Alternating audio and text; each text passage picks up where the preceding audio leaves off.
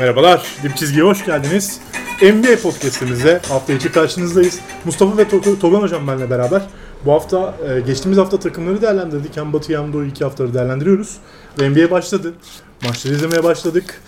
E, aslında fena bir giriş olmadı. Konuşacak bir sürü malzeme çıktı daha ilk haftadan. Bugün ama biraz spesifik gideceğiz artık. Dip Çizgi'nin alışıla gelmiş o ayırıp konuştuğu, takımları seçtiği program formatına geri dönüyoruz. Mustafa nasılsın? Hoş geldin. İyiyim Efe sen nasılsın? Ben de iyiyim. Yolunda mı her şey NBA adına senin için? Yolunda diyemeyiz.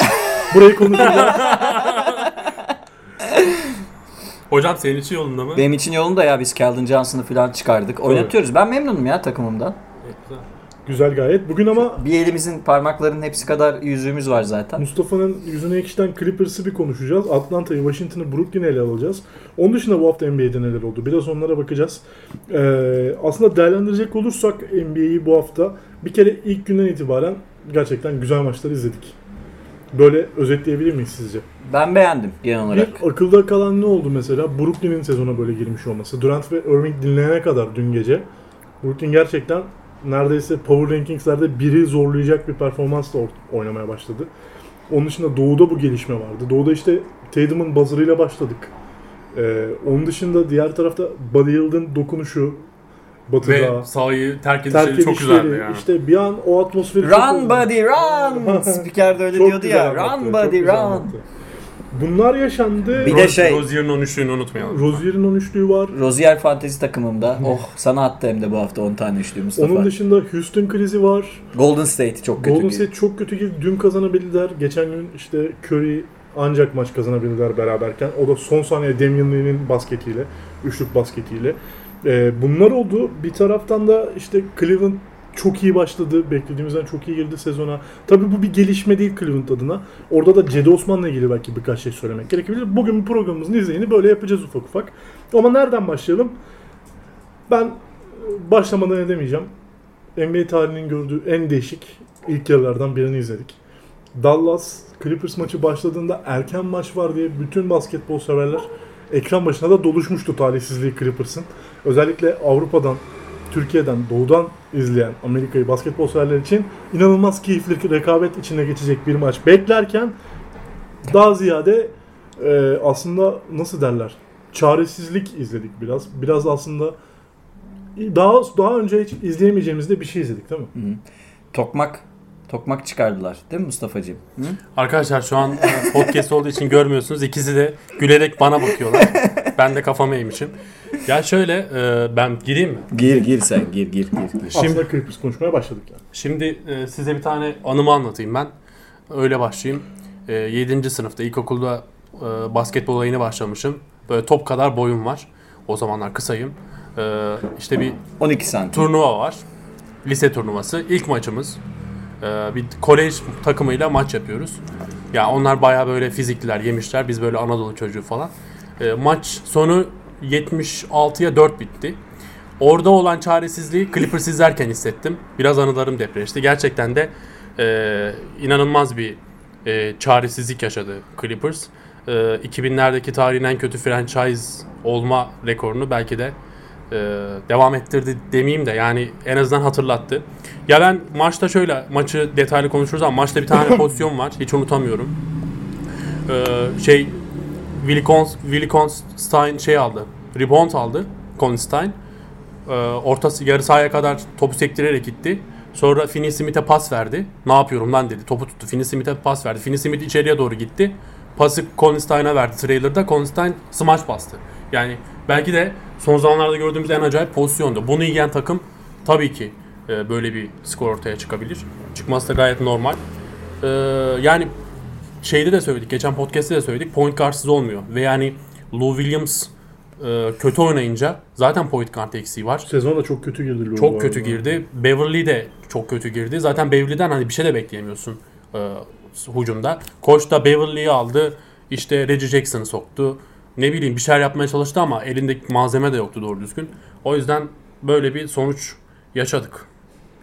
Geçmiş olsun diyelim. Malzeme yoktu derken Ben de onu soracaktım aslında. Ya malzeme yoktu derken şöyle Reggie Jackson'la olmaz ki bu iş yani. Olmuyor yani yani. karşıda kim var? tamam karşıda da kimse yok ama Yani şey Kleberler, Finney Smith'ler, Collinstein'lar falan var farkındaysan. evet. Ya şöyle değerlendirecek olursak bu kadar da disiplinden uzak olamaz bir takım. Yani hani Tyron Lue'ya mı bağlamak lazım yoksa aslında Clippers sezona fena girmedi. Ha onu Ya baktığın zaman 2 2-1 girdiler sezona. Hatta bazı istatistikleri paylaştım ama ratingleri hiç fena olmayan bir yerden başladılar. Kavay oynayınca e, oluyor ama işte Defansif ratingleri çok düştü şey maçından sonra yani. Bir anda artı onlarda net ratingle giderken artı belki 20'lerde defansif rating 115'lere kadar yükseldi. Çok kötü bir yere geldi Dallas maçından sonra. Eksi 10 net ratingdeler. Ee, ya bu takımın böyle bir şey artık şeyden ben söylemekten sıkıldım. Bu takımın böyle bir cezaya ihtiyacı vardı dedik ya geçen sene hep. Ona yenildiler, buna yenildiler. Şimdi toparlanacaklar. Evet şimdi toparlanacaklar. Abi sezona girdin. Yine böyle bir şey var. Hani bu playoff mağlubiyetinden daha kötü. Daha acınası bir durum. Yani toparlan demek ki toparlanmayacak dedim. geçen sezon e, Dallas serisi zor geçti. Çok zor geçti. Zor geçti ve açıkçası insan şunu bekliyor. Özellikle Doncic'in buzzer'ını yedikten sonra takım. Bu sezon Dallas'a karşı bir mesaj verme maçı oynamasını bekliyor. En azından Clippers'ların bunu beklediğini düşünüyorum ben. Ki e, Porzingis'siz oynuyor Dallas. Bunu da hatırlatmaya gerekiyor. Ama maçın başından itibaren hiçbir şekilde hiçbir şeyi yapamayan e, bütün o Space Jam'de özellikleri çalınmış topçular gibi sahada yürüyen e, saçma sapan bir sokaktan toplama bir takım bulduk biz. Dolayısıyla bu açıkçası Clippers için üzücü. Psikolojik olarak playofflarda karşılaşacakları bir durum olabilir daha sonra. Yani böyle zor mental açıdan aşmaları gereken problemler var ve bunu henüz aşabilecek seviyede olmadıklarını gördük. Bu durum benim için Clippers'ın ciddi şekilde yani farktan ziyade psikolojik olarak maçın başında yenilmeleri direkt büyük eksi. Sadece ikinci yarıya 10-0 seriyle başladıktan sonra belki Mustafa şey olmuştur dedim hani gaza gelmiş midir diye gelmiş ama yani Carlisle varken ka- karşıda hemen molayı aldı. Bir tane üçlük seti çizdi. Hardaway ya da Josh Richardson ikisinden birine üçlük buldurdu. Zaten sonra fark şey oldu yine. Hatta şey geyiği de dönüyor. E, Cleveland diyorum. Clippers ikinci yarıda 46 sayı atabildi. Yani hiç sayı atmasa da Dallas yine maçı kazanacaktı. Muhabbeti falan da dönüyor. Bu şekilde rezil olmak ki daha önce e, 99-2000 sezonunda Lakers'a karşı devrede sadece 19 sayı bulabilmişti Clippers ve e, şut saati döneminin yani şut saatinin işlediği dönemden itibaren en düşük skordu devre skoru olarak 19. Şimdi de en yüksek farkı yediler. Aynı zamanda franchise'ın yediği en yüksek fark 51. Yani bu açıkçası Batum'un sene başında düşündüğüm o tek hani yararlı olabileceğini düşündüğüm tek alan vardı. Hani oyun kurma noktasında faydalı olabilir mi diye ama Batum öyle kullanmıyor Tyronn. Çok fazla o yönde denemedi. Lou Williams sezona kötü girince takımın oyun kurma vasfı neredeyse sıfır. Önemli olan şey şu. Soyunma odasında ne konuşuldu? Yani bu takım devre arasında ve maç sonunda soyunma odasında ne konuştu? Bence sezonun geleceğini belirleyen şey, geleceğini belirleyecek şey bu olacak. Yani dediğin şey çok doğru. Ee, zaman çizelgesi bakımından baktığın zaman Lakers, Denver ve e, Dallas üçlüsüyle başladı Clippers. Geçen sene bir mesaj yollama e, amacı taşıyordu aslında. İlk iki maçta da yolladı. Yani e, şunu da söyleyeyim. Mesela Clippers'ın Lakers'ı yenmesi çok fazla konuşulmadı. Ben bunu mesela sorgulamıştım kendi içimde. Niye bu kadar Evet gece diye. vakti WhatsApp grubuna Paul George diye mesaj atmayı biliyorsun bize. Neyse yani bu bayağı yani konuşulmadı ama e, şunu da söyleyeyim. E, Efe'nin dediği şey doğru. Aslında Clippers iyi başladı. Ben lige iyi başladığını düşünüyorum. Ama bunun sürdürülebilir ol- ol- olamayacağını. Çünkü point guardsız bunun devam edemeyeceğini düşünüyorum. Clippers'ın burada kesinlikle bir hamle yapması lazım. Yani Kennard bu işi yapamıyor. Kennard'a vermeye çalışıyorlar ama Kennard Abi hiç öyle olmuyor bir yani. yetenek Öyle seti yok ki. yani o pozisyonu kaldırabilecek düzeyde de bir oyuncu değil ki. Değil ona veriyorlar ama olmuyor işte ya. Onu söylemek lazım. Kennard'dan gelecekte Joe Ingles olur mu bilmiyoruz da şu an Joe Ingles değil Luke Kennard. Yapıştırıcı olma ihtimali potansiyeli hep var ama e, yapıştırıcı olmak için de bir takım iskeletine ihtiyacınız var.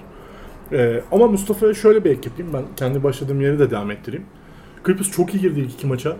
Paul George 73 sayı çıkardı iki maçta. İşte pull-up üçlükler sokuyor. Çok yüzdeli oynuyor. Perimetre savunmasını çok iyi yapıyor. Kavai Ibaka'sı, Ibaka'nın rolü de çok böyle hemen belirlenmiş gibi geldi daha sezon başında. Oturdu bir dakika bakın. Cuk oturdu dedik ama yani iki maçtan sonra böyle bir şeye hakkınız yok. Bu rezilliğe hakkınız yok. Ne olursa olsun Kavay zaten dinleneceğini biliyoruz. Sakatlanmış olması sorun değil. Ya, takımın böyle bir reaksiyon ya, ya da böyle bir şeye karşı kendilerinin üzerine oynanan şeye karşı hiç kafa kaldıramaması anlaşılabilir gibi değil. Şunu söylemek lazım. Şimdi Dallas oynadılar 3. maçı. Ee, Clippers'ın ilk 17 maçının 15'i Batı konferansıyla. Yani eğer bu iki maçın sonrasında sıkıntı çıkarırlarsa Yani hani bundan kafayı kaldıramazlarsa Kawhi ne, ne derece şu an oynayacak onu bilmiyorum. Dikiş var değil mi şu an çenesinde? 8 tane dikiş var. Bu 17 maçın işte Batı Konferansı'nın güçlü takımları da düşünüldüğünde Portland'a, Minnesota'ya gidecekler falan hani kolay gibi görünen Batı maçları da kolay geçmeyebilir Clippers için ve bekledikleri yerde bitiremeyebilirler sezonu. Efes'in sene başı yaşadığı sendrom yaşanır mı? Hiç bilemiyorum ya. Yani Paul George'un açıklamaları hani düzelteceğiz bütün sorumluluğu üstleniyorum tarzda güzel açıklamalar ama yani hocam yapacak yani oyunu kuracak, oyunu yönetecek bir tane adam yok ki. Göster kim var ya? Yok. Yok yani olmuyor Yok. işte yani. Bunu göremiyorlar mı bilmiyorum ama Valla Paul George'un 2 sene önce MVP oylamasını ilk üçte bitirdiğini hatırlayalım. Oraya çıkması lazım Paul George'un. Öyle başladı öyle aslında. başladı ilk Evet. maç gerçekten. Yeniden oraya çıkması lazım. Üçüncü maçta sadece Paul George kaldı bir ara parkede yani. Hani 1'e 5 vardı. Ya ben, Evet. ben daha garip bir şey söyleyeyim. Yani Zaten ikinci yarı Lou Williams falan hiç oynamadı. Tamamen benchler oynadı. Hiç oynamadı. Belli bir süreden sonra. Paul George de 15 attı galiba daha Öyle bir ilk şey. çeyrekten sonra bir daha eli sürmedi. canım, ondan İlk yarıda ilk yarıda Clippers'ın 4 asisti mi vardı? 3 asisti mi vardı Maç yani? asist. onu geçti acaba? Doncic tek başına daha fazla asist yapmış. Yani Doncic 25 dakika top oynadı ya. 25 dakika oturdu Doncic bir yani. de moral düştükten sonra savunmayı da bıraktılar. Yani Lou Williams'ın, Reggie Jackson'ın Doncic'e bir savunması var ikinci çeyrekte. Aman yarabbi yani böyle bir şey olamaz yani. Reggie Jackson'ı Doncic'le eşleştirmemek gerektiğini ne zaman öğrenecek Clippers? Yani öğrenemiyoruz. Hocam öğrenemiyor gibi baksanıza. O zaman Tronlu hocamız pek bir aslında e, bir şey yapmıyor şu an görüntüde. Zaten öyle çok büyük teknik yeteneği olan bir hoca değil taktik açıdan ama playofflarda bir seviye üste çıkabilen bir hoca olduğunu biliyoruz sadece o kadar. Ama Ben asistanlarından büyük şey bekliyordum aslında. Da daha tabii çok erken henüz 3 maç oynamış. Ya ama şunu söyleyeyim. Üçüncü maçta hani böyle bir fark olmasaydı, böyle bir rezillik olmasaydı Clippers'ı şu an büyük ihtimalle övüyorduk yani. Hani iyi bir başlangıç yaptığını söyledik. Hani böyle işte 120-110 falan yenilseydi Dallas'a da yine Clippers'ın iyi bir başlangıç e, yaptığını söylemek mümkündü. Bir de Clippers'ın bu kadar fark yemesi gerçekten sosyal medyada büyük bir etki yarattı. Yani ben Twitter'a bir girdim. Çok eğlendi herkes. Herkes çok eğlendi. İnanılmaz eğlendi herkes. En son Dallas'ta işte e, şeyde playoff'ta Doncic'in son sahnesinden sonra bu kadar olmuştu. Onu da geçti artık. Bayağı millet espri de yaptı. Bayağı malzeme doldu.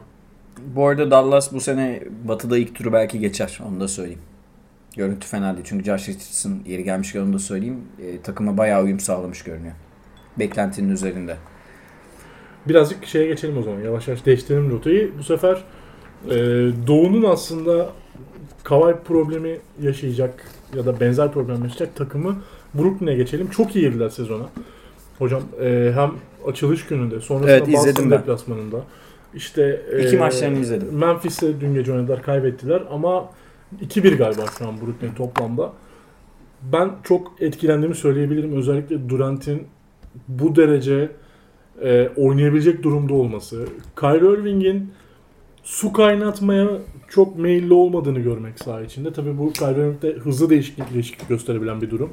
Onun dışında işte Corey Levert'in, DeAndre Jordan'ın, Jared Allen'ın hazır durumda olması tek talihsizlik Dinwiddie'yi kaybettiler. Hı hı. Ne kadar sahalardan uzak olacak belli değil şu an için. Henüz yani çok kesin bir durum yok. Ee, Dinwiddie'yi de rotasyona çok iyi sokmuştu Steve Nash. İşte o üçlü Durant, Dinwiddie ve Kyrie Irving arasındaki top paylaşımı da otomatikleşmeye başlamıştı ikinci maçtan sonra. Ben Durant ve Kyrie Irving'in bu derece devam edeceğine ne kadar inanmalıyım bilmiyorum. Size soracağım. Önce şey yapayım 2-2. 2-2 oldu. Brooklyn, Abi. Brooklyn yani şeye de kay Memphis'e de kaybettikten Memphis'e sonra. Bir de e, Charlotte. Charlotte'a mağlup oldu. Ee, sezon başlangıç maçlarını izledim. Bir de şey maçının bir kısmına bakabildim. Yani iki buçuk maçını izledim ben Brooklyn'in. Görüntü şu. Steve Nash tamamen özgürlük vermiş durumda Kevin Durant ve Kyrie Irving'e. İstedikleri kadar isolation oynama hakları var. Bununla birlikte o takımın e, sabah biz Mustafa ile konuşuyorduk. Kritik oyuncusu aslında Joe Harris. Yani topsuz oyunda var olabilen tek kısası. Ya elinde top istemeden oyunda var olabilen tek kısa. Dolayısıyla Joe Harris mesela bir pozisyonda Golden State maçıydı galiba. Ee, sol forvette, sol dipte şutu atmak yerine içeri pas indirmeye çalışırken top kaybı oldu. Durant dönüşte şut atsana dedi yani at şu at şutu dedi. Çok tempolu oynamak istiyorlar, koşmak istiyorlar yarı sahada, ya tam sahada ve Durant ve Kyrie Irving aynı anda sahadayken bu yaşanıyor. Bunu uzun vadede görebilir miyiz? Ben henüz tam olarak ikna olmadım. Yani iki tane maçta, e, iki maçta çok iyi izledik Kyrie Irving ve Durant'i. İki buçuk maçta diyelim hadi. Ee, bunu sezon boyuna, boyunca yapabileceklerini o kadar emin değilim ama Steve Nash'in kafasındaki şeyi gördük. Corey Lövert'i özellikle şimdi Dinwiddie de sakatlandıktan sonra bench'in lideri olarak kullanılabilir. Uzun vadede diyorum yani. ilk 5 de gelebilir de yani uzun vadede nasıl kullanacağını ben de merak ediyorum. Dinwiddie çünkü bu sezon oynamayacak bir daha muhtemelen. Aşil değil mi? Aşil. Ee, dolayısıyla e, yani ben şeyi söyleyeyim biz sabah tartışıyorduk kendi aramızda. Ben Chioza'yı beğeniyorum bu arada. Pek beğenilmez ama ben öyle çaba sarf eden emektar Ama oyuncuları severim. Dante Draper gerçekten ya. Hocam senin bu çaba, çaba sevgin ne olacak ben merak ediyorum gerçekten. Yani kusura bakmayın. Dante Draper'ı da seviyordum ben. Biliyorum yani. TJ Ee, McConnell da. TJ McConnell'ı da Hocam seviyordum. proje devi yapan insanları çok seviyorsun farkında mısın? Evet evet. evet. Bak Gülüyor şu an. Ma- matematik öğretmeni kılıklı topçuları İhtiyaç seviyorum. yokken ders çalışan. çok senden çalışan. Ya şöyle e, TJ McConnell da bu listeye alabileceğim oyunculardan biri. Yeteneksiz ama çabayla onu kapatmaya çalışıyor ki Chioza o kadar da şey değil. Vizyonu olan bir oyuncu ve ben Bubble'da beğenmiştim Chioza'yı. Kullanabileceklerini düşünüyordum. Sadece şeyi merak ediyorum. E, Kyrie Irving Durant kafası rahat olduğu sürece böyle oynayacaklar yani. Çok güçlü oluyorlar çünkü. Yani ne bench'te kadar güçlü olduklarını çok Evet. özetlememi ister misiniz? yani bench de çok güçlü Oynadıkları oluyor. iki maçta 56 sayı ortalama yakaladılar. Kyrie Evet. Irving'e Durant ikisi ve bunu %69 şut yüzdesiyle yaptılar. Evet yani çok aç girdiler Ve sezona. e, perimetre yani mesafeleri de potaya o kadar yakın olmadan. Değil. Evet. Ee, ve 100 pozisyon başına 126.4 sayı çıkarıyor bu takım. 124.6. Benim merak ettiğim şey Jared Allen meselesi. Siz mesela ne düşünüyorsunuz? Jared Allen uzun vadede formayı net bir şekilde alabilir mi? almalı ama almayacak gibi duruyor. Kenny Atkinson'ın gitme nedeninin bu olduğu söyleniyor. Jerry, Jared Allen'ı bence hak eden de Jared Allen. Ben orada Kenny Atkinson'la aynı noktadayım. Ama DeAndre Jordan'ın arkadaş kontenjanından oynadığını biliyoruz. Ama bu takımın şöyle bir denge, yani bu arkadaş kontenjanı meselesi takım dengesi açısından çok önemli. Steve Nash'in bunu yöneteceğini düşünüyorum ben. Yoksa Kevin Durant'i küstürürseniz, Kyrie Irving'i küstürürseniz e, biraz sıkıntı olabilir. Bilmiyorum siz ne diyorsunuz? Ya küstükleri zamana bir gireyim iki dakika. Ya dün işte mesela Memphis maçı Dinwiddie'siz düşünelim. Golivert'in 29 top kullandığını gördük saha içinde. 29'da 12 ile oynadı ama 29 top kullandı bakın. Ya Durant ve Kyrie Irving daha bireysel olarak o kadar kullanmadılar ilk iki maçta. Böyle bir yük binecek.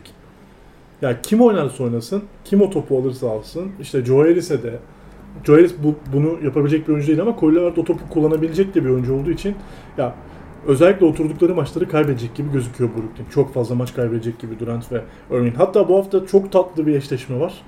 Ee, back to back'e gidecekler Atlanta'ya. Birazdan Atlanta'da konuşacağız. Brooklyn Atlanta back to back'leri olacak. İlk maçı içeride oynayacaklar bu hafta. Hemen akabinde de deplasmanda oynayacaklar. Keyifli olacak ama mesela birinde Durant ve Irving'in dinleneceğini biliyoruz değil mi? Aynen öyle. Şimdi e, şey meselesine de ben gireyim mi? Gir gir. Şimdi bu Dinwiddie meselesine sana katılıyorum. Sadece yani sadece Levert üzerinden olmazsa bu. Dün 38 dakika oynadı. E, Benim diğer beğendiğim oyuncu, beğeniyorum ben onu. Kabarot da 40 dakika oynadı. 21 sayı, 6 rebound, 2 asist yaptı. O da Bubble'da iyiydi. O da Bubble'da iyiydi. Yani Dinwiddie'nin e, kaybını bence e, önemli ölçüde özellikle bu dinlendiği maçlarda e, yani bayağı Ya bir arayacaklar. olsam sezon başı bu oturma potansiyelini bildiğim için şey derim. Ya geçen sene Dinwiddie Levert ben kaç tane maç aldı bu takım. Yine alırız. Evet. Ama şimdi geçen sene bu takım Levent'le maç almadı ki. Şimdi şu Şamet'ten mm, bence faydalanamıyorlar Hocam henüz. Şamet, Joe Harris ama bu maçları yazabileceğiniz oyuncular değil. Birilerinin topu sürüp potaya gitmesi, Yok, yok. oynaması lazım. Şimdi ha şimdi Skor güzel. Bu dediğin şey skor. güzel. Ee, geçen analitikçiler şey dediler. Ee, biz çok fazla e, verimsiz oynayan oyuncuları biraz fazla gömdük. Ee, yani tamam bir oyuncunun verimsiz oynaması onun eleştirilmesi için yeterli ama bir şey unutuyoruz dediler ve bunun hakkını verdiler. Şut yaratmak, e, verimsiz de olsa bir şutu yaratmak aslında çok fazla kıymet görmüyordu analitik açısından. Analitiklerini değiştirmeye falan başladılar. Ball creation üzerinden yani sh- shot creation üzerinden özür diliyorum. Dolayısıyla Levert yüzdesiz de atsa o takımda Durant ve evet yani. Durant ve Kyrie yokken top topla potaya gidebilen, şut yaratabilen, kendi skorunu yaratabilen en önemli oyuncu olduğu için onun şut yüzdesine katlanacaklar. Sadece şunu merak ediyorum. Levert'in takım içerisinde alacağı rol biraz daha takım arkadaşlarını da sürükleyecek, sürükleyici şekilde olabilecek mi? Yani Joe Harris'in, Shamet'in filan. Çünkü Durant mesela veriyor pası Joe Harris'e de Levert'te öyle bir huy yok. Bayağı kara delik Levert yani. Ya Durant ve Irving'le oynarken şimdi rolü çok daha kritikleşti ve çok daha top kullanacak o rotasyonda. Yani şimdi 29 kullanmayacak belki ama Dinwiddie'nin toplarını da Levert'e yazarız artık. Öyle görünüyor. Ben ben bir de şu Joe Harris hakkında bir şey söylemek istiyorum. Jared Allen'la birlikte. Yani Çok emekçi topçular Çok- bu arada. Çok seviyorum. ben. çok hızlı tamam Brooklyn hızlı oynuyor. Kyrie ve Durant gerçekten ma- ta- ma- takımı hızlandırıyor ama hani bir arabanın 250 km hızla gitmesi çok iyi bir şey değil. Jared Allen ve Joe Harris ara ara bunu durdurabiliyor. O yüzden çok kritik oyuncular. Şeyde bu arada Duvara çarpmamak için. Evet 4 maça baktığımız zaman Jared Allen'ın DeAndre Jordan'dan fazla süre aldığını görüyoruz son maç dışında. Bir son maçta DeAndre Jordan 30 dakika e, süre almış. Ben ilk olarak şunu belirtmek istiyorum. Önce şunu belirteyim.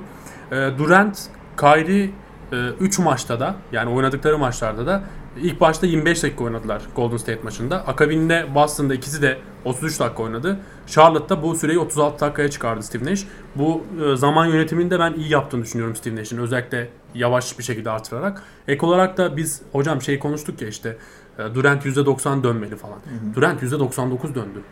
Yani Steve Kerr'ün de işte e, bu konuda bir açıklaması var maçtan sonra. Şöyle diyor. Açıkçası Kevin Durant bir buçuk yıldır sahalardan uzak olduğu için ondan tam olarak ne bekleyeceğimi bilmiyordum. Ancak bugün izlediğim Durant ile 18 ay önce izlediğim oyuncu arasında hiçbir fark görmedim dedi e, Hele Steve maçın maçtan sonra. e, ne izlediğimi şaşırdım. Gerçekten %99'la döndü Durant. Onu belirtmek lazım. Bu önemli. Bir de mesela şey de var. Charlotte'da da hani Brooklyn yenildi Charlotte ama Charlotte 6 oyuncu çift tane yaptı o maçta. Ee, iyi oynadı Charlotte o maçı. Onu da bir dipnot olarak çizmek lazım. Kesinlikle katılıyorum. Brooklyn'de birazcık şimdi burada törpüleyelim. Zaten Atlanta ile oynayacaklar. Yani dedi. sadece şeyi sormak istiyorum. Şey konusunda hemfikiriz sanırım. Ee, load management da yapılacak ya. Yapılıyor zaten. Bu load management süresince e, Corey Levert'e binen yükle bu takımın düzenli bir şekilde maç kazanıp Doğu'da mesela liderliği alması çok kolay değil. Normal sezon için söylüyorum. Burada hemfikiriz galiba. En fikiriz. Tamam. Ben de öyle düşünüyorum çünkü. Buyursunlar sayın moderatör. Buradayım ben de, ben de böyle düşünüyorum. Estağfurullah hocam. Ee, Atlanta konuşuyorum zaten bu hafta iki takımı da değerlendirip bir izleme şansı da bulacağız. Atlanta'da işler iyi gidiyor.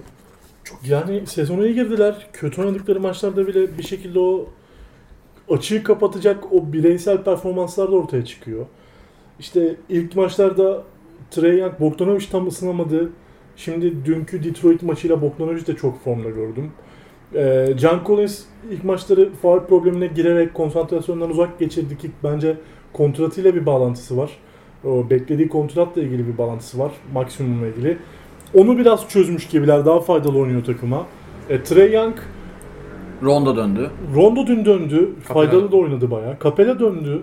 Ya bu takım aslında konuştuğumuzdan bizim az bir şey bahsettiğimiz takımdan çok daha iyi görünüyor. Playoff yapacağını düşünüyorduk. Söyledik bunu. Yani en sürpriz takımın Atlanta olduğunu söyledik. O zaman ben sana vereyim ilk sözü ya. Yok hocam estağfurullah. Estağfurullah. Lütfen efendim. Lütfen. Değil ben gidiyorum. Ya şöyle Atlanta'yı izlemekten inanılmaz keyif alıyorum. Gerçekten çok keyif alıyorum. Ee, ve e, Trey Young o kadar rahatladı ki. Çünkü herkes şut atıyor. Yani DeAndre, Hun- DeAndre Hunter o kadar iyi oynuyor ki şu an. Evet. Çok formda. Ee, işte son maçta da mesela Hunter 3, Trey 2, Bogdan 5, Collins 1, Rondo 2, Reddish 2, Solomon Hill 4 tane üçlük attı. Toplam 20 tane üçlük attılar. Yani e, set çizmelerine gerek kalmıyor bazen oyun oyun anında. Bir şekilde zaten o şutu buluyorlar ve o şutu bulma kapasiteleri Trae Young'a o kadar mükemmel bir özgüven kazandırıyor ki Trae Young'ın sürekli içeriye girdiğini görüyoruz ve inanılmaz derecede alan açılıyor. E, Atlanta Hawks'un bu e, ilk 3 maçta eleştireceğim tek noktası savunma. Çok e, yani savunmada çok büyük hani net bir izlenim yani net bir şey direnç göstermediler bence savunmada. Ama bunu Capella'nın dönüşüyle birlikte bir nebze de olsa pota savunması anlamında azaltacağından dolayı bunun da çözüleceğini düşünüyorum. Ve şu da var. Ya şunu da söyleyeyim. Atlanta Hawks bence bu 3 maçta %100'ünü vermedi. Onu da belirteyim. Yani %100'ünü verdiği zaman bu takım Capella e, forma girdiğinde, Gallinari forma girdiğinde bu takım daha iyi noktalara gelebileceğini göreceğiz ve çok da zevk alacağız Atlanta izlemekten. Ben böyle başlayayım. Hocaya sözümü vereyim. Ee, Mustafa'nın söylediklerini tamamlayacak iki şey söyleyeyim. Maç başına atılan sayıda da liderler. 3 maçta bir daha küçük bir örneklem ama ofansif ratingde de liderler. 120'nin üstünde ofansif ratingleri var. Savunma konusunda da ilk 15'in dışındalar defansif ratingde. Bu arada senin e, söylediğin oyunculara ek olarak henüz çok fazla forma şansı bulamayan daha doğrusu sakatlığı nedeniyle Gallinari var. Onun da şutu ve e, alçak posttan hem de yüksek posttan oyun kurma kabiliyeti var. Ayrıca bench'ten gelen Kevin Hurter var. E, Reddish var. Yani bayağı geniş ve hem geniş hem de yetenekleri birbirine yakın oyuncular. Yani ilk 5 ile bench arasında çok büyük dağlar kadar Bir fark de yok. Kristan'ın sakatlı olmasaydı. Heh, yani evet Kristan'ın da sakatlı olmasaydı belki o perimetre savunmasında ciddi şekilde e, çözüm üretebilirlerdi. O mesela herkesin şut bulabiliyor noktasında o kadar haklısın ki otomatik oynuyor gibiler ve bu takım aslında yeni bir takım. Yani Bogdanovic yeni. Gallinari yeni. Tamam Trae Young falan alışkanlığı var da Capella yeni. Yani bu kadar otomatik gibi oynamalarını ben açıkçası pek beklemiyordum. Atlanta'nın ben doğuda güzel işler yapacağını düşünüyordum ama kadronun biraz tecrübe sorunu yaşayabileceğini, Hunter gibi, Reddish gibi oyuncuların hatta Trae Young'ın düşündüğümden çok mesela ilk 5'e yazmadım ama yani tabii daha çok erken. Erken tabii. Çok erken ama daha da yüksek biz 7'den yazdık galiba gibi playoff'a. potansiyeli bizim yazımızdan daha yukarılara çıkabilir. Yok sizi onaylamak için söyledim sadece. Anladım. Yani benim bu noktada evet çok beğen şöyle şöyle söyleyeyim. Çok sevdiğim, tuttuğum takımlardan biri değildir Atlanta benim. Özellikle Boston'la olan rekabetlerinden biri. Ben Dominic Wilkins'i çok seven bir basketbol sever değilim. Çünkü proje ödevi yapmak. Budenholzer'ın Atlanta'sı sempatikti ama. Kabul ediyorum. Orayı Ligi kabul birinci ediyorum. bitiren ama Evet. sonra playoff'ta her Milwaukee'de de aynı şey yaşanıyor. Bir de e, taraftar açısından da ben Atlanta taraftarının çok fazla tutkulu olmadığını sanki şehir basket zaten şehir şey basketbol birinci spor değil onu da ekleyelim. Cleveland gibi biraz. Biraz e, ama bunu sürdürmeleri çok kolay değil. Sadece şunu merak ediyorum. Gallinari ile birlikte tam kadro oynadıklarında Hurter'in rolü belli çünkü şu an. Bogdanovic, Gallinari, John Collins, Trey Young top dağılımını merak ediyorum. Ve bir de Capella da yeni döndü. Önce şey dediler. Ne zaman döneceği belli değil dediler. Hani bir zaman çizelgesi sunamıyoruz dediler. No timetable dediler. Daha sonra pazartesi oynayacak dediler küt diye. Omzundan ufak bir sakatlığı var diye. Döndü 20 dakika civarında süre aldı Capella. Capella tam oynayacaksa yani NBA'nin en iyi çember savunucularından birini elde etmiş oluyorlar. John Collins de rahatlayacak bu sefer. John Collins belki ko- kontratı bulamaması onun üzüldüğünü kabul ediyorum Biraz ama konsantrasyon düşürdü en azından. Biraz şey oldu. Phoenix'in yaptığı gibi yaptılar. Hemen başarı arıyorlar. Ee, bence ama Phoenix'ten farklı olarak kadroları çok daha şey geniş bir kadrosu var ve Doğu Konferansı'nda oynamanın avantajı mevcut Atlanta Bir de için. hocam yani şeyi söylemek lazım galiba artık. Ben genelde hiç bunu söylememiştim Trey Young için. Ee, oyun stili açısından hem pas kalitesi hem de o biraz önce bahsettik birebir de çok rahat gidebilmesi potaya. Ee, takımı özellikle şutör anlamında çok rahatlatan bir süper ya süper yıldız demeyelim. Yıldız oyuncuya dönüşüyor. Bir de şunu söylemek lazım. Ekstra bir avantaj. Belki bu sene de çok görüyoruz. NBA'in en kolay faul çizgisine gidebilen oyuncularından birine dönüşmeye başladı. Yani geçtiğimiz sezon Ortalaması 15. geçtiğimiz sezondan itibaren e, 500 şut dönemesinde en çok faul çizgisine giden 11. oyuncu olmuş yani hani NBA'de ki süperstarları da düşündüğümüzde ilk 10'da 11'de olmak çok kıymetli. Ee, bunun yanında asistleri sayıya dönüştürecek bir kalite koydular yana. Uzunları Capella döndüğünde işte hocamın bahsettiği bir Gallinari gibi bir yetenek var. Hiç skor çıkar durağan bir maçta skor çıkarabilecek 3-4 tane oyuncusu var şu an. Bogdan Bogdanovic, Danilo Gallinari, Trey Young hatta işte sayabilirsiniz oradan. Belki kim gelebilir? Kısa Hurter falan. Kendi skorunu yaratabilen oyuncular. Reddish de öyle. Ya bu açıdan bakıldığında Doğu'da Yani Hurter biraz spot up ama o da yani Hurter'ın şey değil. hareketli Kendi şutu var hareketli aslında şutu yani. var evet. ya Cedi'den iyi. ce- Onu söyleyeyim. ya şey söylemek lazım yani bu kadar malzemesi olmayan ilk 8'e de gözüken takım var. Bu kadar malzemesi olmayan. evet evet. Ya şöyle mesela Hörter deyince ya hocam Hörter'i geçen sene hatırlıyoruz. Ya Hörter Atlanta'nın oyunun düzelmesiyle birlikte klasman atladı. Ya bazı oyuncular vardır ya takım iyi oynayınca o da şutu sokar. İşte çok fazla şutlar girince artık böyle şutörler vardır. Takım klasman atlayınca o da atlar. Ya Hörter'in de oyunun dönüştüğünü görüyoruz. Bir de mesela üçümüz de burada koçluk yaptık çeşitli zamanlarda. Yani çok esnek takım. Efe istemez misin bu takımı yönetmeyi? Çok, esnek takım. Her şey yapabilirsiniz. Kısa al, uzat, koştur, kapat. Ya ne diyeyim alan savunmasına çeksen sırıtmaz takım yani öyle bir takım. Ve 8 kişi şu an çift taneli sayı ortalamasıyla oynuyor. Ne Atlanta kadar Hawks'ta. kıymetli değil mi hocam? O yüzden Atlanta'yı çok iyi gördüğümüzü söyleyelim. Ee, yazdıklarımızdan belki daha yukarıda bitirebilirler sezonu.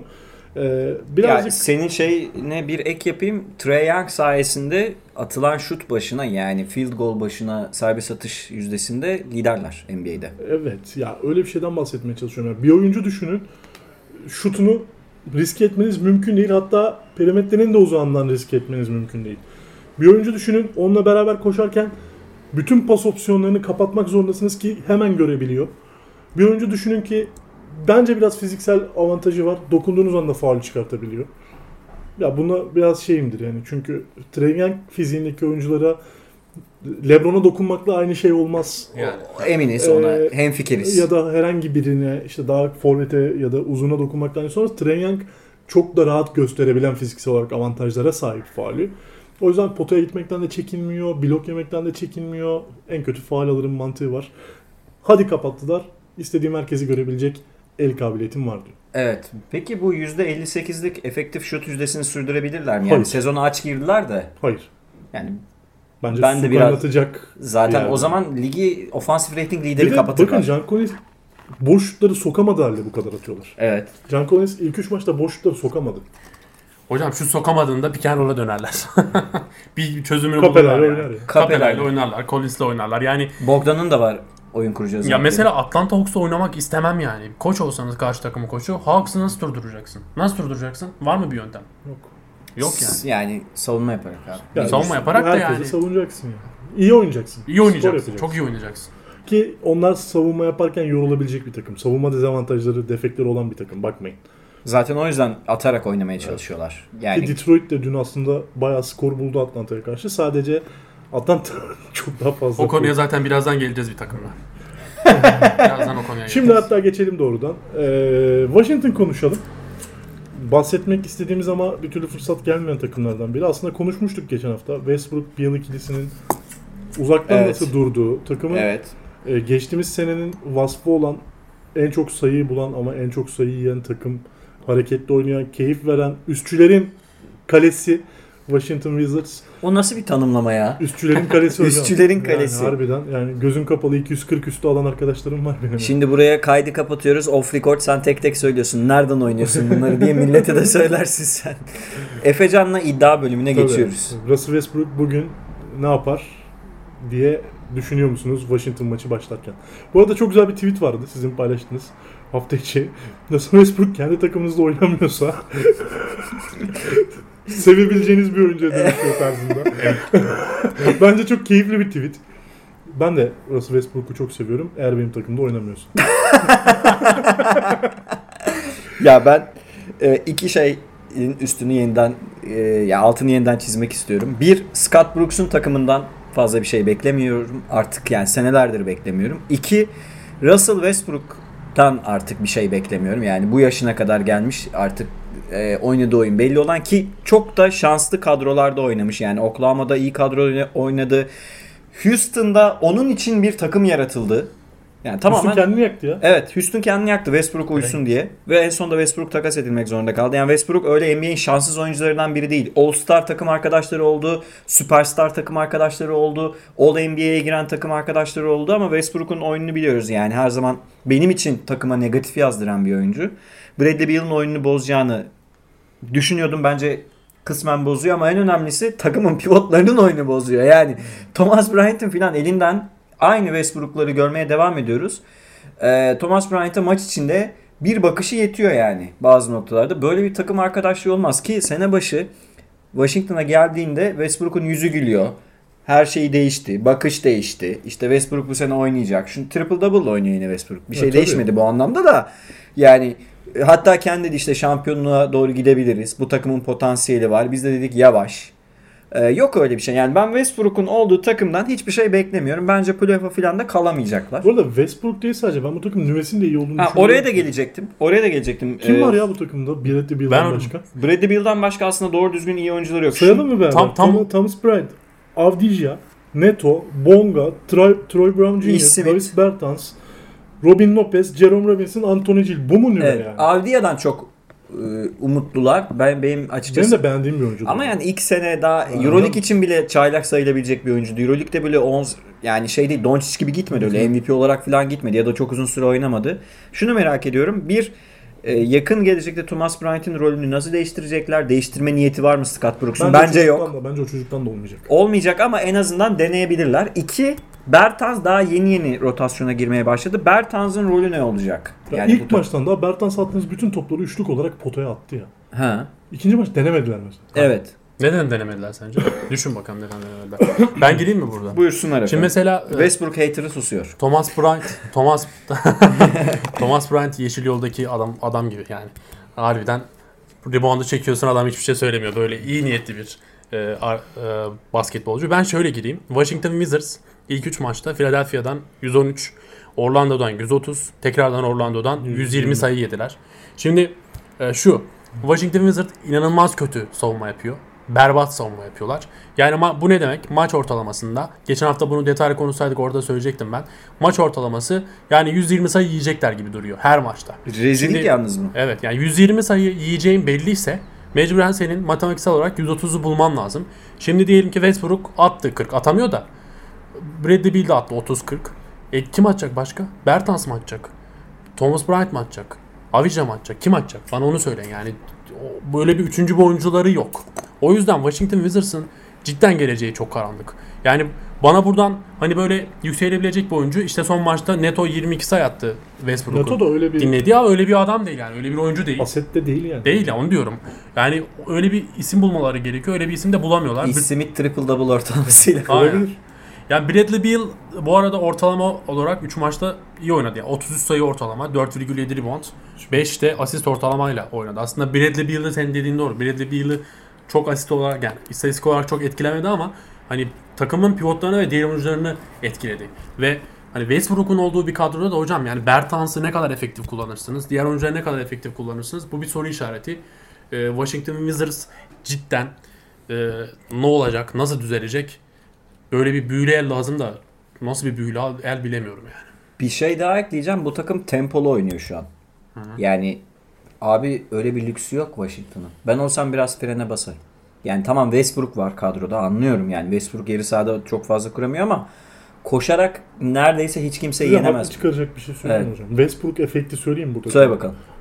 İki gece önce 130-120 kaybettin Orlando'ya. Ee, Russell Westbrook'la. Russell Westbrook yok. İki gün sonra Orlando'ya 120-113 kaybettin. Westbrook efekt bu. Aynen öyle ben tam onu diyecektim. Yani 10 sayılık bir sadece koşturmama efekti yaratıyor. Evet. Evet. O kadar. Yani bence biraz daha tempoyu yavaşlatıp azıcık çünkü öyle bir abi senin öyle bir cephanen yok ki. Atamazsın yani. Şunu demeye çalışıyorum. Tempoda oynamaya alışkın oyuncuların vardır. Yarı sahada hiç sorun çözemiyorsundur. Bizim A milli takım gibi. Hiç sorun çözemiyorsundur. Bari koşalım dersin. Tamam da bu sefer koşunca rakip de koşmaya başlıyor ve senin şey oluyor. Savunmada açıklar vermeye çalışıyorsun. Thomas Bryant falan öyle oynamaya alışkın değil. E senin de elindeki malzemeler bu olduğuna göre o zaman azıcık ona uyum sağlaman lazım. Yani biliyorum şey ana akım basketbola aykırı bir şey söylüyorum farkındayım ve aslında yarı saha basketbolunu savunduğumdan da değil. Sadece koşarak eee, yani o bir zamanların De- Denver'ı gibi işte 80'lerdeki böyle koşarak 120'yi bulduğunda sürekli maç kaybedeceksen abi o zaman tersini dene. Yani anti basketbol oynamaya çalış biraz. Savunma yap. Yani Westbrook'tan biraz savunma yapmasını iste. Isırsın biraz takım. Bradley Beal'la Westbrook ısırır tepede. E, Bertans'ın şutunu bulmaya çalış setler üzerinden. Azıcık Thomas Bryant'a pick and roll falan oynatmaya çalış. Biraz daha takıma benze. Şu an takımdan çok Caddebostan'da basketbol oynayan bir ekip var. Takım değil yani bu. Ve Keyifli Westbrook oluyor zaten böyle bir şey. Ve hocam şu da var. Set yaparsan dediğin çok doğru. Set yaparsan belli aşamalarda biraz daha oraya yönlendirirsen Ara ara en azından. ara ara yönlendirirsen savunmada da güçlenirsin. Evet. Ayakların sağlam yere basar. Yani bu, bu- bunu da yapmıyorsun. Hadi biraz sen söyle. Efe'nin şey ya Efe net özetledi bu arada. Hani Westbrook dinlendi, Neto'yu koydular, hiçbir şey değişmedi. Hatta Aynı şeyi. Aynı şeyi Sadece 10 sayılık gördük bir efekt yani. yarattı bana. çok güzel bir örnek var. Ee, şey soracağım biraz gerçekleri konuşalım dedim. Bu takım 25 galibiyeti geçer mi sizce? Hani playoff falan kovalar diyorduk ya. Ben böyle bir mucize olacağını düşünmüyorum. Yok yok yok. Ben hiç öyle bir hava almadım Washington'dan e, sezon başında ama 25 galibiyeti geçer mi yani? Geçen senenin ortalama 32-33 galibiyetlerine denk geliyor. 30'u geçmeleri anlamına geliyor. 25 galibiyet, 72'de 25. Çok kolay olmayacak onlar için. Ki Bradley Beal'ın daha çok oynayacaklar. Evet Bradley Beal pardon Doğu'yla. Doğu'yla daha çok. Bradley Beal'ın eee, olağanüstü bir sezon geçirmesi lazım. Ben geçemez diyorum ya. Yani 2 artı 2'yi 5 yapmam Ya lazım. Bir de geçen be- hafta sanki böyle bir karın ağrısı çektik ya acaba 9'dan 10'dan mı Yok, yok, yok. mı diye. Yok, yok. Hiç izlememiştik daha çünkü. Ya Bertans böyle kullanacaklarsa asla olmayacak. Bertans doğru kullanılırsa biraz işler değişebilir. Ben de diyorum ki hocam biraz buna Yani 20'yi şey bulurlar. biraz Çok değişir derken. yaklaşmıyorum. Yani Bertans'ı kullandıkları örneği de gördük yani 3 maç içinde. Bertans'ı çok verimli kullandılar ilk maç. Ya tamam o zaman e, yani illa söyleyeceksiniz bana. Westbrook'un takımından bir cacık olmaz abi. 25'i geçemez Geçemez abi Geçemez o zaman hocam. geçemez. Tamam yani iddialı konuşuyoruz da sonra çıkmıyor yani takas Öyle falan yaparlar iş değişir. Ha, Taka- tabii bu o zaman bu kadro değişir. Bunu koy buraya. Paranteze koy. Yani Hocam bir de Westbrook, takas sakatlık iş değişir. Westbrook eski atletikliğinde de değil. Ben kayıtlara geçiyorum. Eğer takas yapsalar dahi bu takımdan bir şey olmaz dedi hocam biraz önce. Bir dakika dakikayı ben alayım da abi 40. dakikada 40. dakikada bir şey demişiz. Westbrook'un takımından Hocam şey ben de olmaz. sana katılıyorum. Ben de olmaz diyorum. Westbrook İyi ki. Westbrook'tan da olmaz. Eğer Lebron'u falan getir... Ne, tamam şey yapalım. LeBron'u Washington gerçekten facia durumda. Bunu konuşmuş olduk. Ee, ama maçları çok keyifli. Eğer üst almak isteyen arkadaşlar mutlaka dokunsunlar. Ya da fantazide. Washington'ın karşısında oynayan takımdan fantezi oyuncusu bulmaya çalışın. ya da Westbrook Gecelik- Westbrook Gecelik süper istatistikler sağlıyor Washington. Ha evet evet rakipleri özellikle. Valla şey DFS NBA'in Nevada'sı yemin ediyorum. Westbrook dinlendi mi Neto'yu alın abi. Neto'yu. Neto'yu alın. Neto'yu. Ben bu arada Neto'yu daha önce de yazmıştım. Olimpiyatlara falan da gelmişti galiba. Yani Avrupa'da falan oynar o Neto. Bence de öyle. Avrupa'da oynayabilecek. Philadelphia'da da iyi maçlar oynadı geçen. Bence fena o Okan'la iyiydi kadar. arkadaşlar. Utah'ta da mesela uzun süre sakattı yoksa onu kullanırdı Quinn Snyder. Ee, buradan biraz Cleveland'a geçelim. Çok ufak konuşmak istiyorum. Washington tamamladıysak eğer. Ee, Cleveland 3 galibiyetle başladı hocam. 3-0. Sonrasında tabii ya şey bir konuşalım. Cleveland iyi başladı da Cleveland'ın iyi başlaması gerçekten Cleveland'ın iyi başladığı anlamına geliyor. Soru bu. Çok özlemişler. 200 gündür falan oynamıyorlar Hiç ya. oynamıyorlar ki hazırlık döneminde de iyi maçlar oynamışlardı. İkinci sorum şu. Cedi ilk 5'teki rolünü kaybediyor. Ee, tamam iyi gidiyor geliyor bench'ten ama 20 dakika civarına düştü ortamızı. Geçen sene 30'ları gören bir Cedi'den bahsediyoruz. Ee, bu sene Okoro muydu? Evet. Okoro'ya yerini kaybetmiş durumda. bir şey söyleyeceğim O burada. Kore'ye de kaybetmez Aklıma mi? bir şey geldi. evet, evet. bir maç iyiydi Cedi. Bir maç iyiydi. Ve son iki maçtır en azından bench'ten gelerek katkı veriyor takımına. Ya ben e, tamam şunu ekleyeyim. Colin Sexton e, sezona iyi geleceğini biliyordum. Fantasy takımıma da aldım. Asıl bu sezonun çıkış yapan oyuncusu Garland. Yani Cleveland'da aslında iki tane point kart var. Evet. Garland ve Colin Sexton ikisi de yanına oynuyor. Bir ara şeyde oynuyordu ya 4 numaraları vardı geçen sene. Evet. Yani Kevin Porter Jr. Ee, onun sakatlığı var. Şimdi Cedi ile ilgili durum şu. Ee, Euroleague podcastinde mesela Orçun'a da bir ara onu değindik de İyimser bakanlar için Cedi işte hala NBA'de kontratı var. Bir takas malzemesi olabilir. İşte belli, her işi belli seviyede yapıyor da ben Cedi konusunda çok iyimser değilim. Cedi'nin hiçbir işi iyi yaptığını düşünmüyorum. NBA seviyesi için iyi. Vasat yapıyor birçok işi ama hiçbir işi iyi yapmıyor bence Şut Cedi. peki sizce hala iyi yapmıyor mu? Hayır yapmıyor. Yani bu iki maçta bir iki maç e, iyi şut atması bir şey ifade Hazırlık etmiyor benim için. iyiydi ya ondan da. Anlıyorum ama yani ilk 5'teki pozisyonunu kaybediyorsa abi Cedi'nin ya Cedi 18 yaşında değil. Yani onu da bir altını çizelim. Bir diğer nokta şu. Andre Drummond beklentilerimin üstünde girdi sezona. O e, herhalde takas olmayı bekliyor. Gördüğüm kadarıyla. Yani bir şekilde ben beni takas edin bakın ben çok iyi oyuncuyum diye. Şunu merak ediyorum ben. Aslında kadroları baya kötü. Merak ettiğim nokta şu. Kevin Love sezonu istiyor mu? Bence istemiyor yine. Yatmaya başladı sakatlan. Oram sakat, Kalfim sakatlandı, Buram sakatlandı. şey ben artık orada yatıyor gözüyle bakıyorum. Nance'ı üzülüyorum biraz yani. Evet. Kevin Love sakat, Larry Nance oyuncu. Kevin Love döndü, Larry Nance çöp. Ha. Ben bu şeyden çok sıkıldım ya. Bu değişmeyecek gibi Değişmeyecek çünkü. Vallahi tamam hücum açısından iyi girdiler. Garland'la Colin Sexton iyi anlaşıyorlar ama tabii ki bu çok sürdürülebilir bir durum değil. Kolay önlem alınabilir bir takım. Yani. Evet. Üç galibiyetle başladılar ama gerçekten özlemişler ve çok mücadele ediyorlar. Ya şuradaki tek temennim geçen sene daha kötüyken bile ilk beşlik yerini kaybetmeyen Cedi Osman'ın bir an önce e, o formayı o rotasyondaki o 30 dakikayı alması lazım. Ya Okoro tamam şu an çok iyi giden de formda giden bir takımdan Her zaman bu kadar şut sokamayacaklar. Evet Yani, yani, çok iyi hücum ediyorlar ki şu an. hani kendi pozisyonu için hem fiziksel avantajları da var Cedi'nin. Bence bunu kullanabilir gibi geliyor. Bu arada defensive rating'de lig ikincisiler. O biraz şu an yanıltıcı bir istatistik. O, yani ilk 15'te bitirirlerse başarıdır. Büyük de. başarıdır. Yani ilk 15'te bitirmeleri bile çok kolay görünmüyor benim açımdan. Yani Biraz Drummond efekti oldu orada da. Biraz, Drummond evet. etkisi oldu yani. Drummond'ı insanlar biraz eziyorlar. Biz Efe ile 2-3 sene önce Drummond Ya, yılın, üç sene önce kıyamet kopardım. evet, yılın savunmacısı Drummond seçilmeli diye. Bütün defansif şeylerde, metriklerde Drummond öndeydi çünkü. Sadece rebound sayısında falan değil. Alan Box score, kapatmada. evet, box score falan değil yani. Deflection falan değil Drummond'ın ama işte kötü takımda oynayınca verilmiyor. Garland onlar için kazanım. Okoro'nun uzun vadede ne kadar ne yapabilir? Ben çok bir şey beklemiyorum Okoro'dan da belli olmaz. Daha çok genç oyuncular bunlar. Hatta draft podcastimizde de demiştim Okoro'dan çok büyük beklentim yok diye benim. Eğer Okoro'yu da geçemiyorsa Cedi Osman yani sonuçta Takımın takımlar kon- kontratlı oyuncusu. evet yani sonuçta takımlar genç oyuncuların ilk 5'e koyup bir şans vermeyi denerler. Rookie'leri özellikle ama Cedi'nin ondan orta vadede formayı geri alması lazım. Onu da geçemiyorsan abi orta zaten vadeye bile kalmadan bir an önce kendine gelmesi lazım. Yani bu, bu mu kendine gelmek bilmiyorum ama idmanda demek ki bir şeyler gösteremiyor yani. Ya uzatmaya giden maçı iyi oynadı diye insanlar biraz yanılgıya düştüler. Ama bence Cedi box score'da yazan istatistiği kadar iyi oynamıyor şu an. Şu takımda 6. adam rolünü kabul etmemeli. Evet ilk 5 gelmedi Cedi ya. İlk bir hatta kısa 5'lerin 4 Kısa numarası falan olmalı. Yani İşte bu açılardan biraz üzücü oldu sezona girişi Cleveland'ın bizim açısından. Cleveland iyi başlasa da. E, Furkan da nispeten geçen seneki rolünden çok çıkmış değil ki daha sakat düzenli bir takımda. e, ama sakatlığı var. Sakatlığı var biraz da.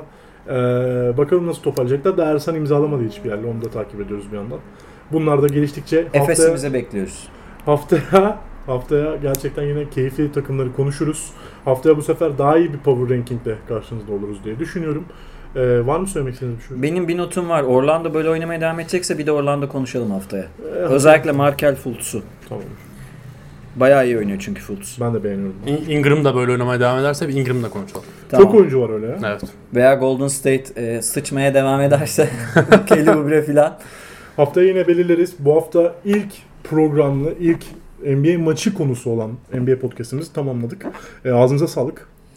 Nice 50 sayılık mağlubiyetleri Mustafa'cığım e, Mustafa. çok üzülmeden bu haftayı mutlaka kazanırsınız yani. Ben bu sene Paso Clippers'a gömeceğim. Böyle bir şeyim var şu Totem an. mi yaptın? Totem yaptım. Bakalım ne olacak. Ama böyle olmaz. Neyse. Ve evet girmeyelim. ayrılığı posteri yaptırmışsın diye duydum. ee, onu Luka Doncic yaptırmıştır gerçi hatıra diye. o zaman kendinize iyi bakın. İyi haftalar diliyorum. Görüşmek, Hoşça kalın. Hoşça görüşmek, kalın. görüşmek üzere. Hoşçakalın. Sağlıcakla.